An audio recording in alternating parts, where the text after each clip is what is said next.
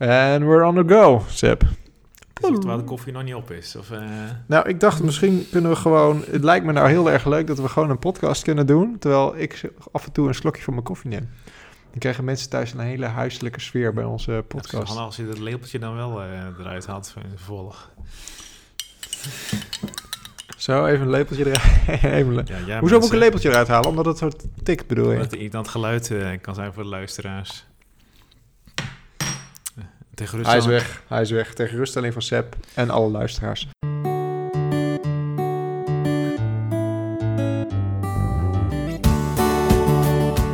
Welkom beste luisteraars bij weer een nieuwe aflevering van de Emissie Nul podcast. Welkom. vragen, Al heeft alleen maar, maar een suiker in zijn koffie.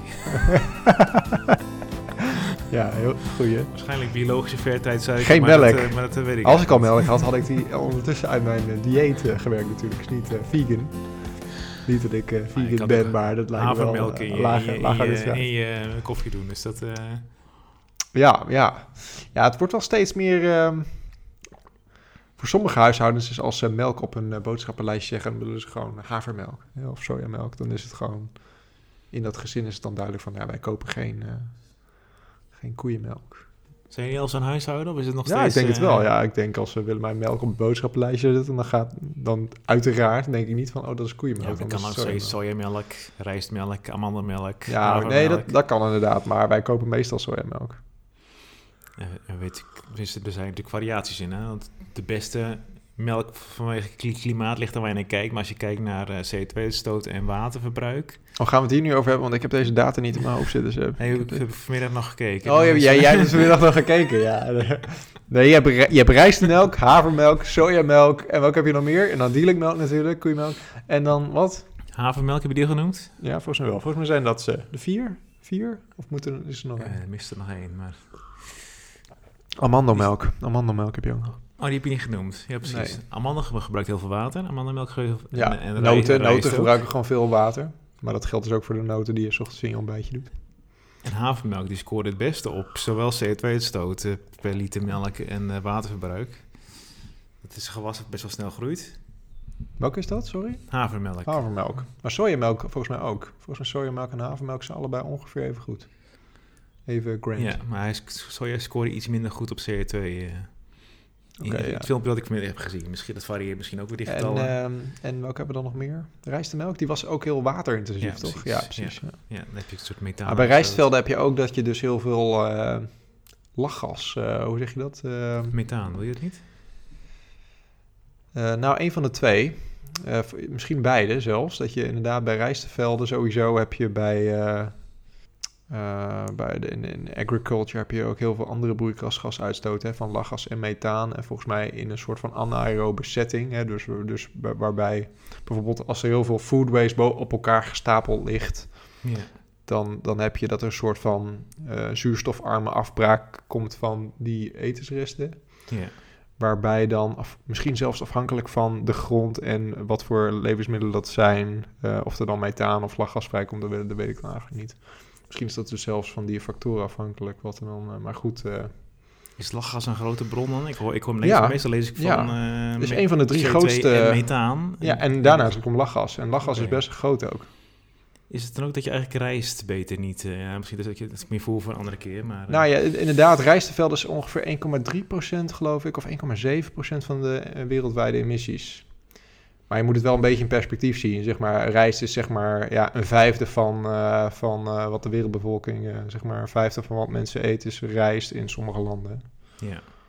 Even wat ze gewoon, dus voor Ja, oké, meer een heel, heel belangrijk gewas voor Stel je- mensen. stel je bent al vegan. En je eet bergen rijst, dan kan je misschien nog een winst halen door minder rijst te eten. Nou, dat weet ik dus niet. Ehm, ik weet ook eigenlijk niet.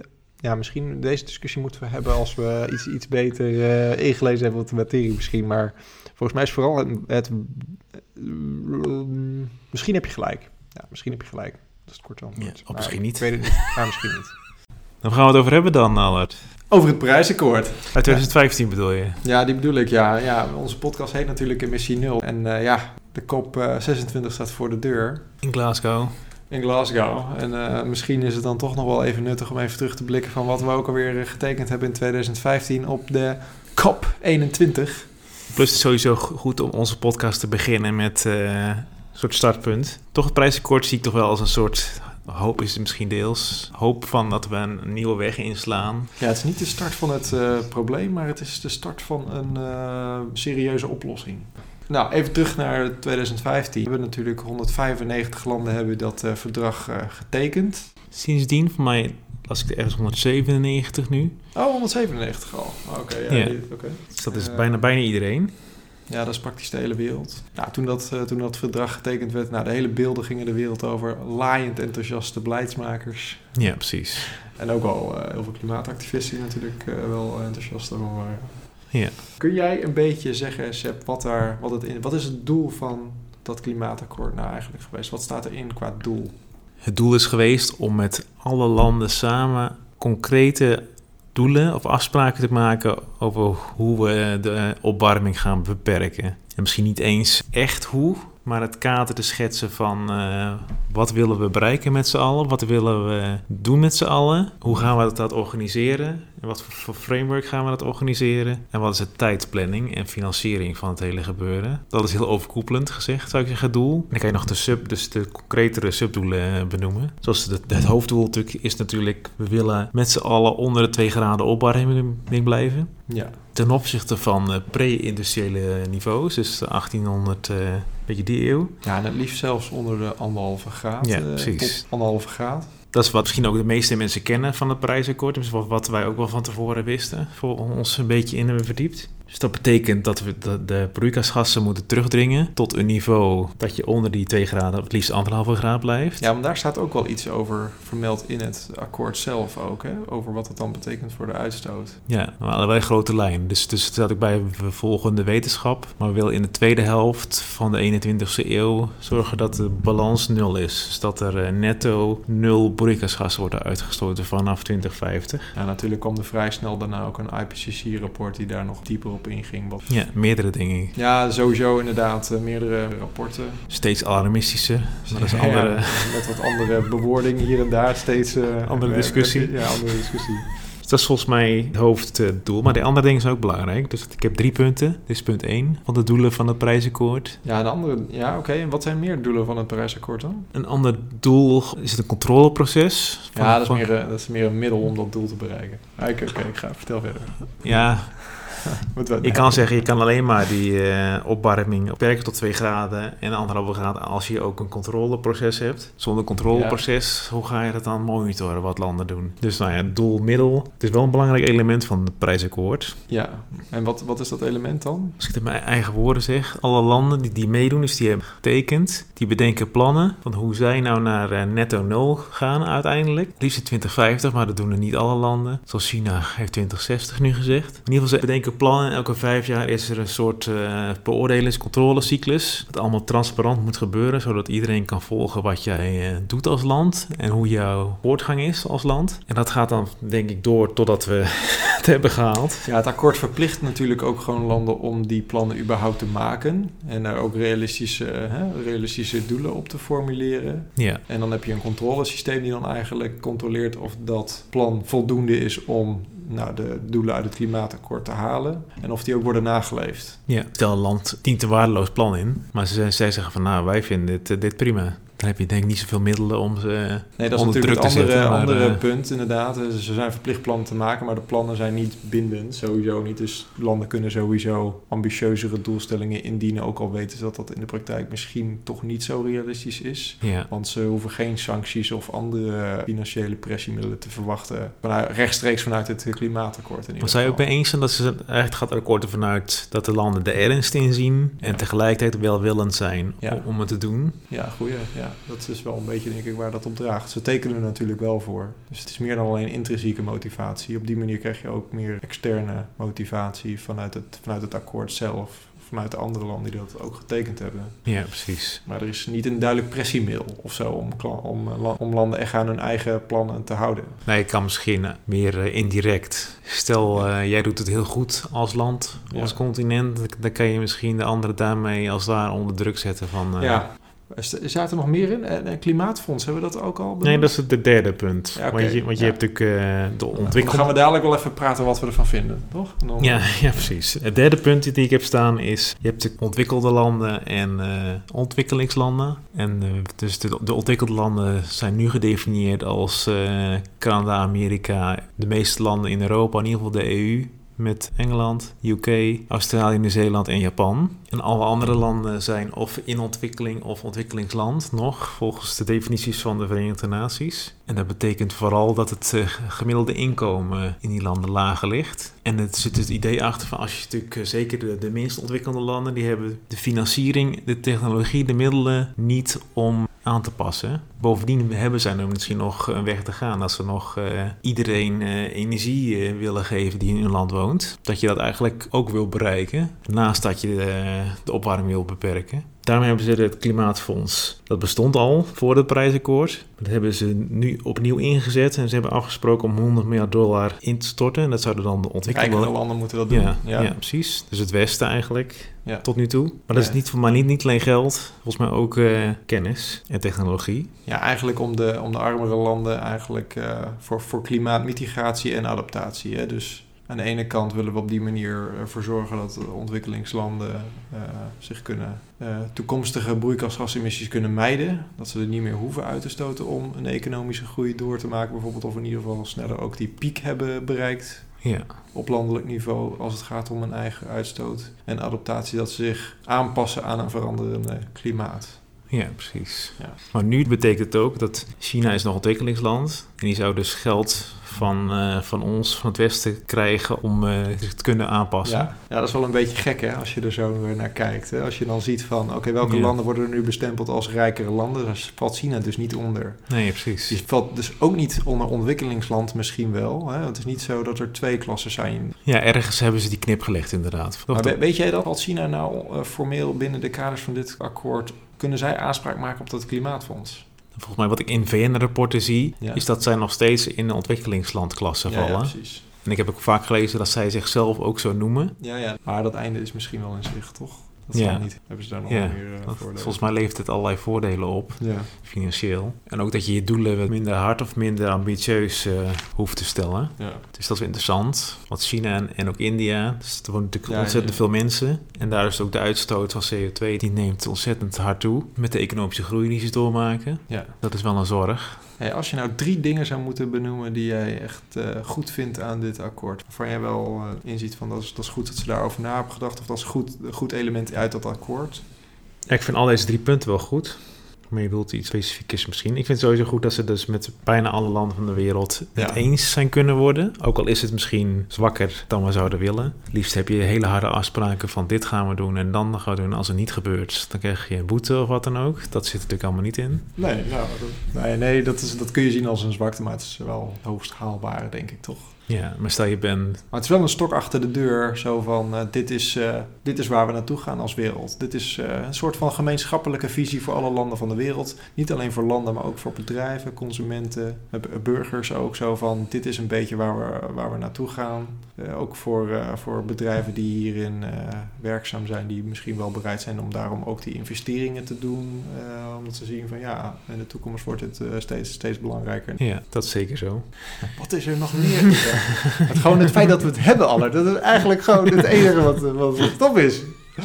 We hebben hem. We hebben, we hebben dat meer nodig. Het is gewoon, ja. Moeilijk om te schrijven. had jij, had je, weet je nog waar je was in 2015? Of is dat zo? Nee, geen flauw idee. Ja, Nee, aan het is- werk. Het is ergens. niet zo, eh, het is niet zo, Nee. heeft niet zoveel impact op mij. Nee. nee. Maar, ehm, maar deel, deel jij dat eh, jubelende, eh, terugkijkend zo? Heb je zoiets van, oh, ik, ik snap wel dat die mensen zo enthousiast over waren toen? Of ben je daar toch iets eh, sceptischer in? Zo van, eh, ja, ze kunnen wel doen alsof het top is, maar is het nou wel zo top allemaal? Welke, welke boot zit jij een beetje? Hij is toch wel goed, eh, ja, jubelend vind ik wel overdreven. Maar is Nou, wel... bent- eh, maar ben jij, zou je jezelf zien als jubelend persoon? Je bent niet, zo- je bent zeker niet heel snel... nee, niet, eh, niet zo snel. nee, precies. Maar jij dan wel? Zou je, zou je jezelf... Ik heb echt op tafel staan dansen. Toen al? Nee, grapje. Nee, zeg niet. Nee. Nee. Nee, ik vind het, ik vind het wel eh, mooi dat, dat het is hoor. Gewoon, eh, gewoon met wat ik net zei, van dat je gewoon met z'n allen zegt van dit vinden we heel belangrijk. Ja. Maar natuurlijk uh, ze nog ken ik, eh, ben ik ook wel sceptisch in de zin van... ja, eh, leuk, maar het is allemaal vrijblijvend. En eh, naleving is natuurlijk wel Ja, waar het allemaal al- op aan gaat komen. Ja. Dus, eh, en dat laat, eh, nou spoiler alert, dat laat nog wel te wensen over natuurlijk. Kun je Dus, nog eh, twee dingen noemen dan die eh, jij goed vindt aan het akkoord? Ik neem aan die eerste wel met, met me eens, denk ik. Nou, het is ook allemaal een beetje... Ja, ik, ik vind dat natuurlijk... Het is natuurlijk wel een beetje speculeren ook eh, af en toe. Dus eh, kijk, misschien is het wel zo dat landen ook makkelijker wat maatregelen in het kader van duurzaamheid nu kunnen doorvoeren. Dus onpopulair in de zin van consumenten willen dat liever niet. Een vleestaks bijvoorbeeld wordt misschien wat makkelijker. Ja, ja, sorry burger, wij willen het ook niet, maar we, hè, we hebben een klimaatakkoord en daar moeten we ons aan houden. Hè, dat- dat het iets makkelijker wordt Ja. voor burgers om dat dan dan ook te accepteren. In ieder geval voor landen om dat soort maatregelen dan door te voeren. Dus dat zou een voordeel kunnen zijn. Ook wel die peer pressure die jij net zei. Er zitten geen verplichtingen in dat akkoord. Geen sancties in dat eh, akkoord zelf. Maar het kan wel zo zijn dat landen importheffingen gaan doorvoeren op producten van landen die het serieus nemen, die plannen. En die er heel veel werk van hebben gemaakt en er heel veel geld tegenaan hebben gezet. Ja. Kunnen misschien op een gegeven moment wel zoiets hebben van ja. eh, en dan doen, drijven wij handel met een land die die afspraken niet zo nauw neemt. Of niet zo, niet zo goed nakomt. Dat je kan voorstellen dat die landen daar op, op, op termijn wel mee geconfronteerd worden. En, en wat je natuurlijk nu ook ziet in die Urgenda-zaak, is dat zo'n Parijsakkoord wordt gebruikt van ja, hallo, hallo eh, Nederland eh, doet niet wat het eh, zou moeten doen. Of Shell doet niet wat het zou moeten doen. Want we hebben met z'n allen een klimaatakkoord getekend. En Ja. dus juridisch gezien wordt dat wel gebruikt als wapen in de strijd om je punt te maken. En, en met succes. Hè? Het is maar de vraag of die zaken ook werden gewonnen zonder dat akkoord. Dat vraag ik me wel af. Ja. we, Steef we hebben natuurlijk in, in Europa ook nog andere akkoorden afgesloten. Dus Ja, dus... na- naast het prijsakkoord. Ja, maar die Dus- volgden daarop, toch?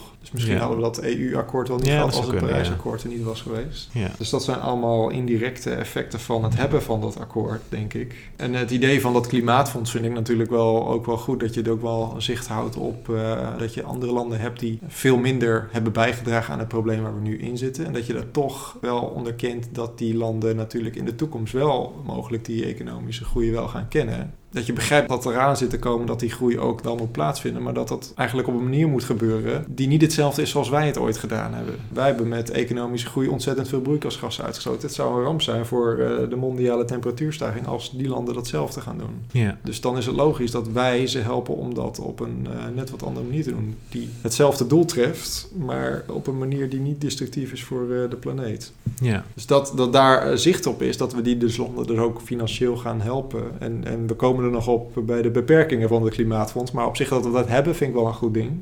Hoe werkt het dan? Is krijg je daar steeds vragen. Hè? Dus je hebt natuurlijk best wel wat corrupte landen. Hoe ga je die dan helpen met, met kennis en technologie? Misschien dat je daar vooral eh, op inzet. Ja, dat is een goede, ja, ja. Dat je ze helpt met kennis over eh, zonne-energie, windenergie. Dus hoe ze op een duurzamere manier elektriciteit kunnen opwekken. En dat je misschien daar ook dingen voor levert. Ja, dat is een beetje hetzelfde als eh, steun voor goede doelen of zo voor die landen. Dat je niet helemaal zicht hebt over hoe dat nou gespendeerd wordt. Ja, en wat is En- effectief? En, en, wat is ook effectief? En is zo'n klimaatfonds effectief om inderdaad dat te bereiken wat je dan wil? Ja.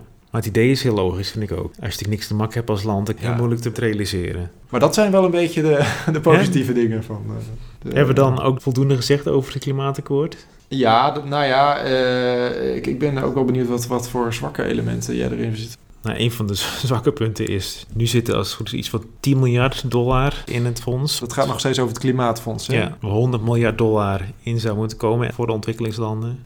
En nu is het 10 miljard in de afgelopen vijf jaar. Dus het zou nog eens vertienvoudigd moeten worden om bij dat eh, bedrag te komen. Ja, dus, dus het vullen van dat fonds, dat is veel te vrijblijvend. Eh, dan, dan wordt het vullen van dat fonds in één keer heel concreet afgewogen tegen andere belangen die dan ook in dat land spelen. Hè, als je naar Nederland kijkt, gaan we ons geld steken in een klimaatfonds voor arme landen of gaan we het geld eh, steken om de huizenmarkt een beetje, eh, als je om weer... Als je naar ons kijkt, we hebben best wel een serie problemen die op ons afkomen. Op nationaal niveau. Ja, op nationaal niveau. En die spelen veel in veel landen, denk ik. Ja. Dus, dus dan staat dit onderaan je, je lijstje, denk ik, van dingen die je aandacht hebben. Ja, terwijl het zou natuurlijk veel hoger moeten staan. Hè? Want Ja, het is natuurlijk precies. gewoon een Ja. hele belangrijk eh, ingrediënt om dit klimaatakkoord en uiteindelijk gewoon ons eigen welzijn eh te Precies. Maar helaas gaan mensen denk ik niet op je stemmen als je hier... eh, Ja, dat is, dat is inderdaad politiek gezien. Niks is, dat dan, is dat dan legt, legt je als eh, politieke partij geen eh, windeieren om dat dan eh, te gaan doen. Want wordt speculeren. Dan stel je bent je stemt op GroenLinks. En de regering is wel heel goed bezig. Willekeurig linkse partij, eh, dus luisteraars. Noem me niet toevallig GroenLinks. Dan is het ook belangrijk, maar dan ben je toch meer gefocust op wat doen wij als EU, als Nederland. Dan zou dit misschien ook nog wegvallen, maar dat is een beetje speculatie. Maar, dus dit is wel eh, belangrijk, maar dat komt misschien bij de komende summit hopelijk goed. Dat er meer aandacht komt voor het vullen van dat fonds. Ja, Ja, ben ik wel benieuwd naar. Dat gaan we wel, dat moeten we even goed in de gaten houden inderdaad. Of dat, Ja.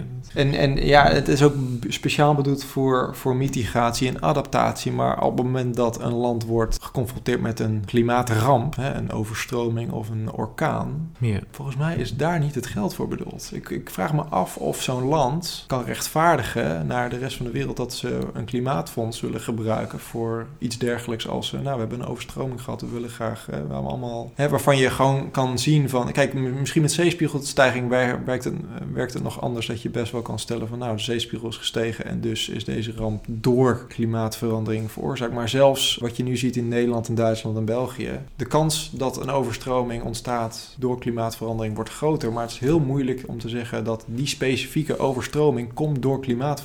En dat is natuurlijk een situatie waar dadelijk ontwikkelingslanden of, of al die eilanden die dadelijk onder water gaan lopen, eh, mee geconfronteerd worden. Dat ze ja, enorm veel kosten moeten gaan maken. ja. Waarvan je in alle redelijkheid eigenlijk zou kunnen zeggen van dat ze dat van zo'n klimaatfonds zouden moeten betalen. Maar klimaatrampen is, is daar niet formeel een onderdeel van. En ook is het heel moeilijk om een bepaalde ramp toe te schrijven aan een klimaatramp. Wat zie je dan als klimaatmitigatie of adaptatie? Klimaat, wat nou ja, het verhogen, klimaat- van je, verhogen van je dijken zie ik als eh, klimaatadaptatie. Maar eh, het hebben van een overstroming en de kosten die eh, ermee gemoeid gaan om het weer te herstellen in oude glorie, dat is geen adaptatie. Ja, je bedoelt vooral het herstel. Maar als je, als je dat ja. in het herstel ook meteen de dijken verhoogt, dat, dat element zou je dan wel onder dit fonds laten vallen. Dus het gaat vooral ja, om dat, zou ik dan, dat zou ik dan inderdaad zeggen, ja. Het ja. opruimen van de schade en eh, dat soort dingen. Dat zou je dan... Ja, dat Ja, of het wegpompen van water of evacuaties van mensen of al het, nou ja, sowieso is heel veel menselijk leed, heel veel slachtoffers misschien wel.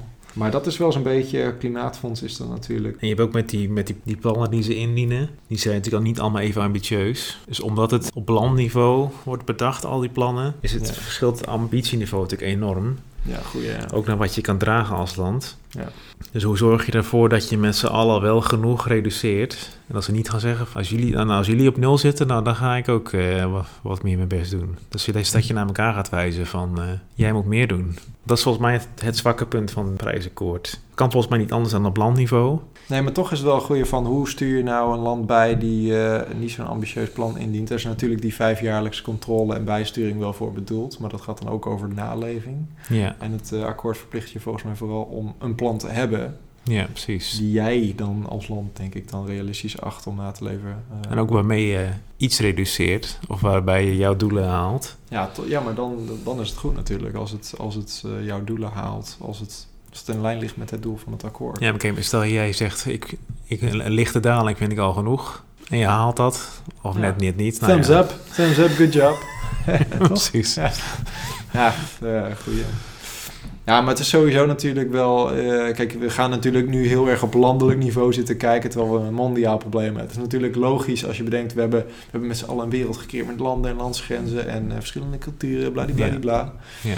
Eh, maar ja, als je even naar het probleem kijkt... dan is het helemaal niet logisch om dit probleem op landelijk niveau natuurlijk te gaan Nee, zitten oplossen. Nee. Het is Nee. een mondiaal probleem. Die het is veel logischer dat je eerst wereldwijd probeert steenkoolcentrales te sluiten. Hè? En eh, kijkt hoe je, hoe je dat dan eh, kan doen. Hè, als EU zijn is het veel logischer dat de EU investeert om... dus, dat is nog weer kleiner denken natuurlijk als mondiaal. Maar dat je, Ja. dat je Polen helpt bijvoorbeeld om hun steenkoolcentrales te sluiten... in plaats van dat wij hier een beetje gaan zitten... eh, eh, zitten zitten kneuteren op een niveau dat misschien iets minder...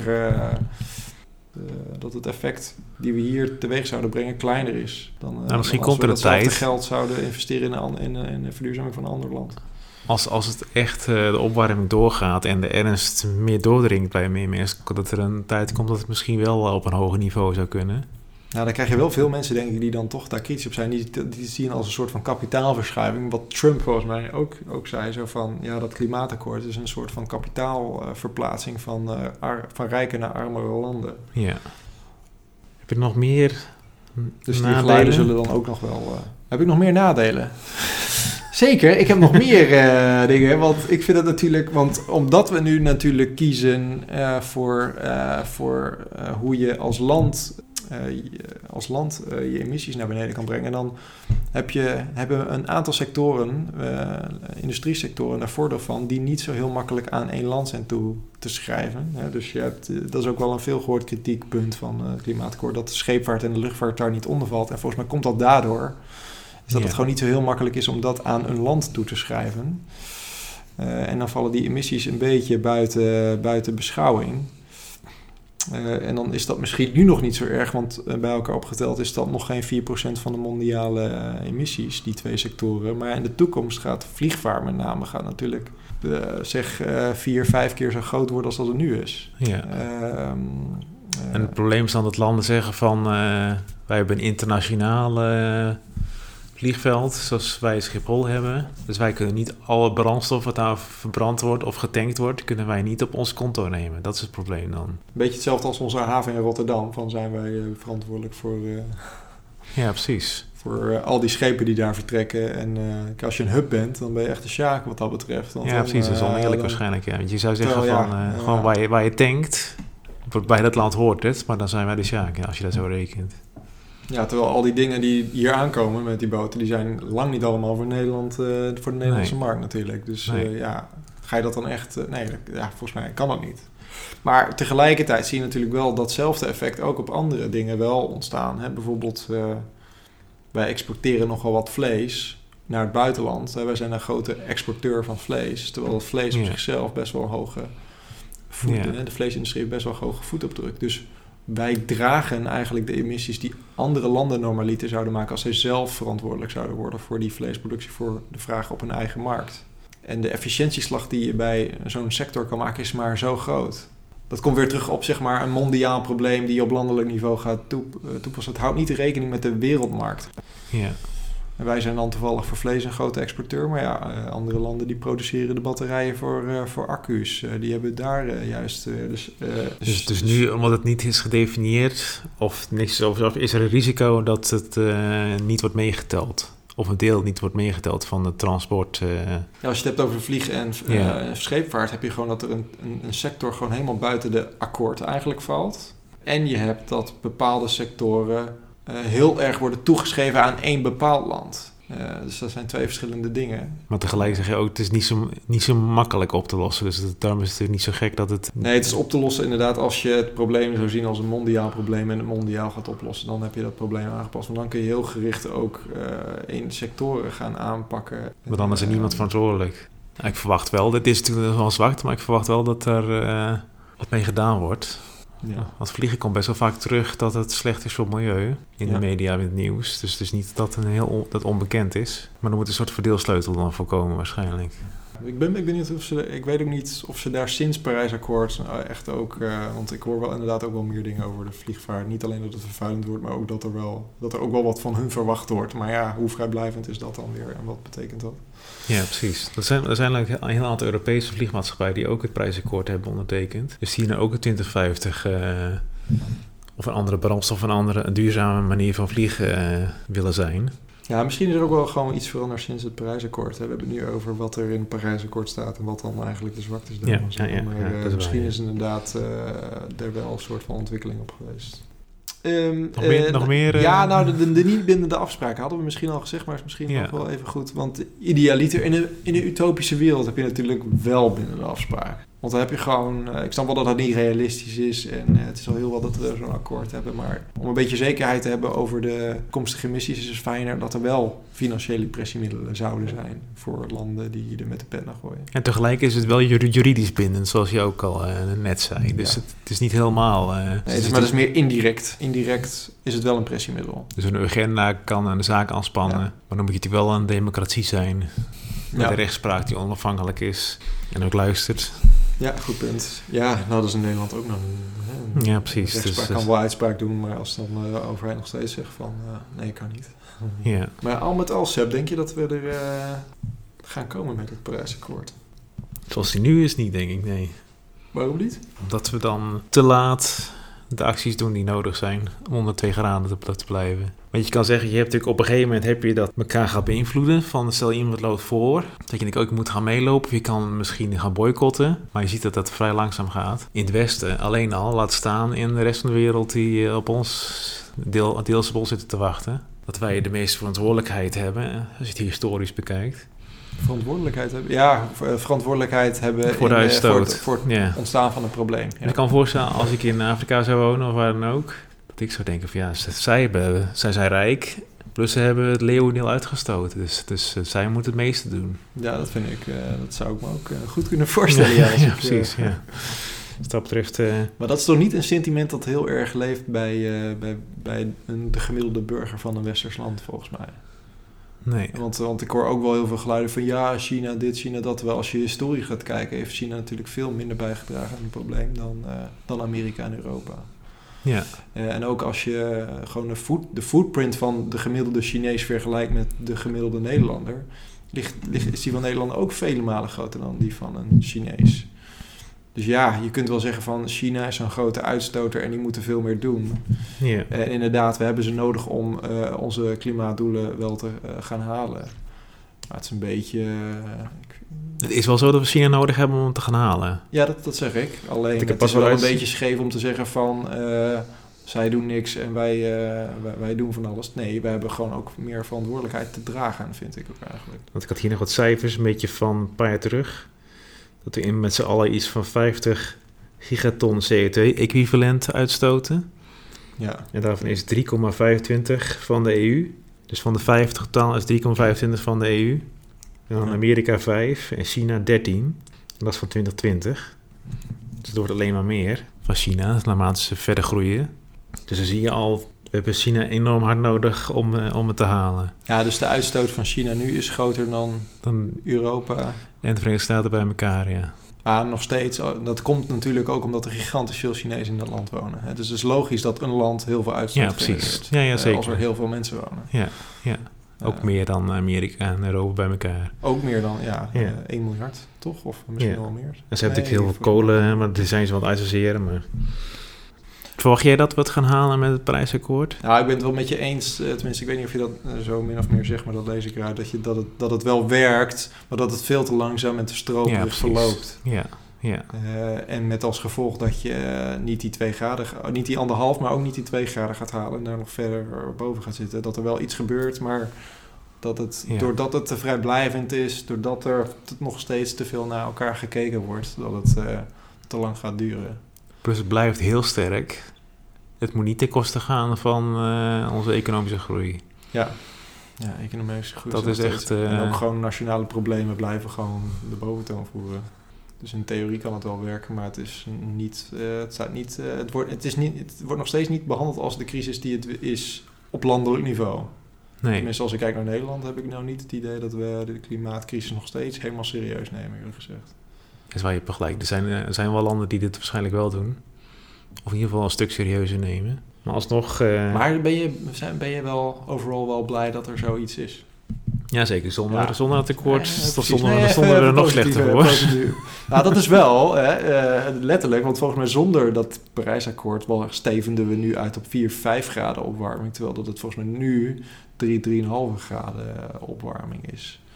Dus volgens mij kun je daar al wel aan eh, herleiden dat het al wel effect heeft gehad. Misschien Oké. is dat nog een beetje onder de voorwaarde dat ook de plannen wel ook eh, nageleefd worden. Het is natuurlijk wel zo dat de plannen die nu zijn ingediend, feitelijk al niet, de plannen zelf zijn al niet voldoende om Ja. die twee graden te halen. Hè, Dus de nemen we plannen wel- moeten ambitieuzer. Neem wel aan, dus als er geen plannen waren geweest, dat we daar niks hadden gedaan. Dat is het. Dat is Ja. Ja, Maar wel minder waarschijnlijk, ja. Toch? Dat nou, kan je wel zeggen. aannemelijk, toch? Ik kan me voorstellen, dat ook al was er geen pas gefaald, dat we als EU nog, nog steeds wel... eh, Ja, maar als je ook kijkt wat er in Nederland wel gebeurd is, dan is dat wel meer, denk ik, dan als je dat klimaatakkoord niet had gehad. ja. Sorry, ik was wat aan het zeggen. Nee, nee, nee. Ja. Ik zat te denken, jij schrijft die winst, die winst, die kleine winst die we nu hebben, helemaal aan het Parijsakkoord. Maar waarschijnlijk is het een deel van die winst. Een deel hadden we sowieso misschien wel gedaan, ook zonder akkoord. Maar Ja, hoe dan ook zijn we beter af met dan zonder. Ja. Want het blijft ook, dat zie je nu ook weer, het blijft een beetje onder de aandacht. Je blijft elkaar toch een beetje verantwoordelijk houden als, als onderling. Stimuleren, hopelijk. Op naar, op naar Glasgow. In Glasgow heb ik staan, ik weet niet wat jij daarover hebt staan. Maar het, is, het is vooral eh, toch nog doorgaan op het Parijsakkoord. Misschien het verder detailleren. En volgens mij het ambitieuzer maken van de plannen is volgens mij het eh, centrale ding. Maar daar gaan, daar gaan we nog een keer over verder praten. Ja, precies. In- We gaan, eh, we gaan eh, op naar de- We gaan op naar de kop. De kop 26. En dan eh, gaan we kijken wat eruit komt. En dan gaan we reflecteren wat we nu hebben gezegd ten opzichte van wat eruit komt. Precies. De belofte wordt toch wat harder. eh. Ja, nee, wordt inderdaad. Ja, ja nee, gaan we doen. Gaan we doen. Nou, bedankt beste luisteraars. We hopen dat jullie een beetje wakker kunnen, hebben kunnen blijven Ja, bij deze precies. podcast. We hopen dat jullie er iets aan hebben gehad. En Graag tot de volgende keer. Tot de volgende keer. Joe.